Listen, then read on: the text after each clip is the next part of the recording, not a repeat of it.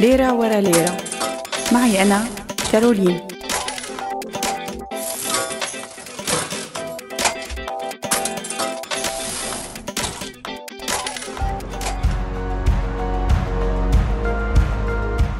مرحبا.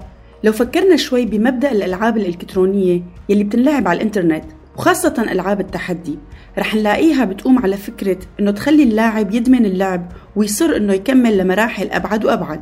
بس شو الطعم يلي بيكون موجود باللعبة يلي بيخلي اللاعب يدمنها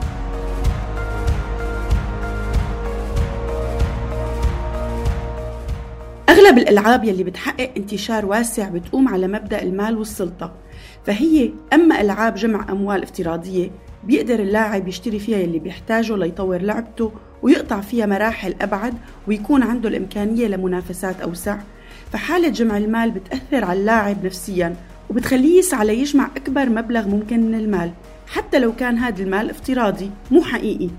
بس الحالة هون تشبه حالة المال الحقيقي أو بالأحرى تشبه حالة القمار.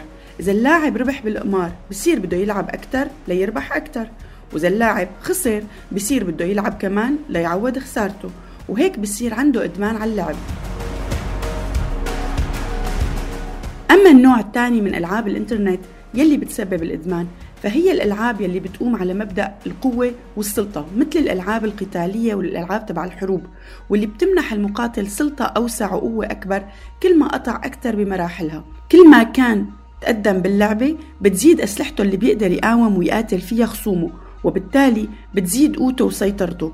كل ما سيطر على منطقة بعد قتل خصومه بصير عنده رغبة يسيطر على مناطق تانية حتى وإن كانت هالسيطرة وهمية وافتراضية. وما بتتجاوز شاشة التليفون أو الآيباد أو الكمبيوتر.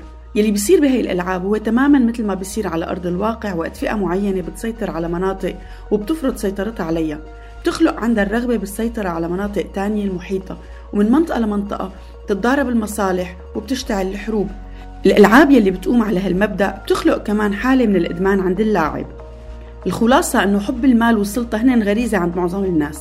مشان هيك ألعاب الإنترنت يلي بتقوم على مبدأ جمع المال وفرض السلطة هي ألعاب بتجر لاعبينا للإدمان. فمن الضروري ننتبه كتير قبل ما نقرر نلعب أي لعبة لحتى ما ندمن اللعبة ونستنزف وقتنا وطاقتنا. سلام.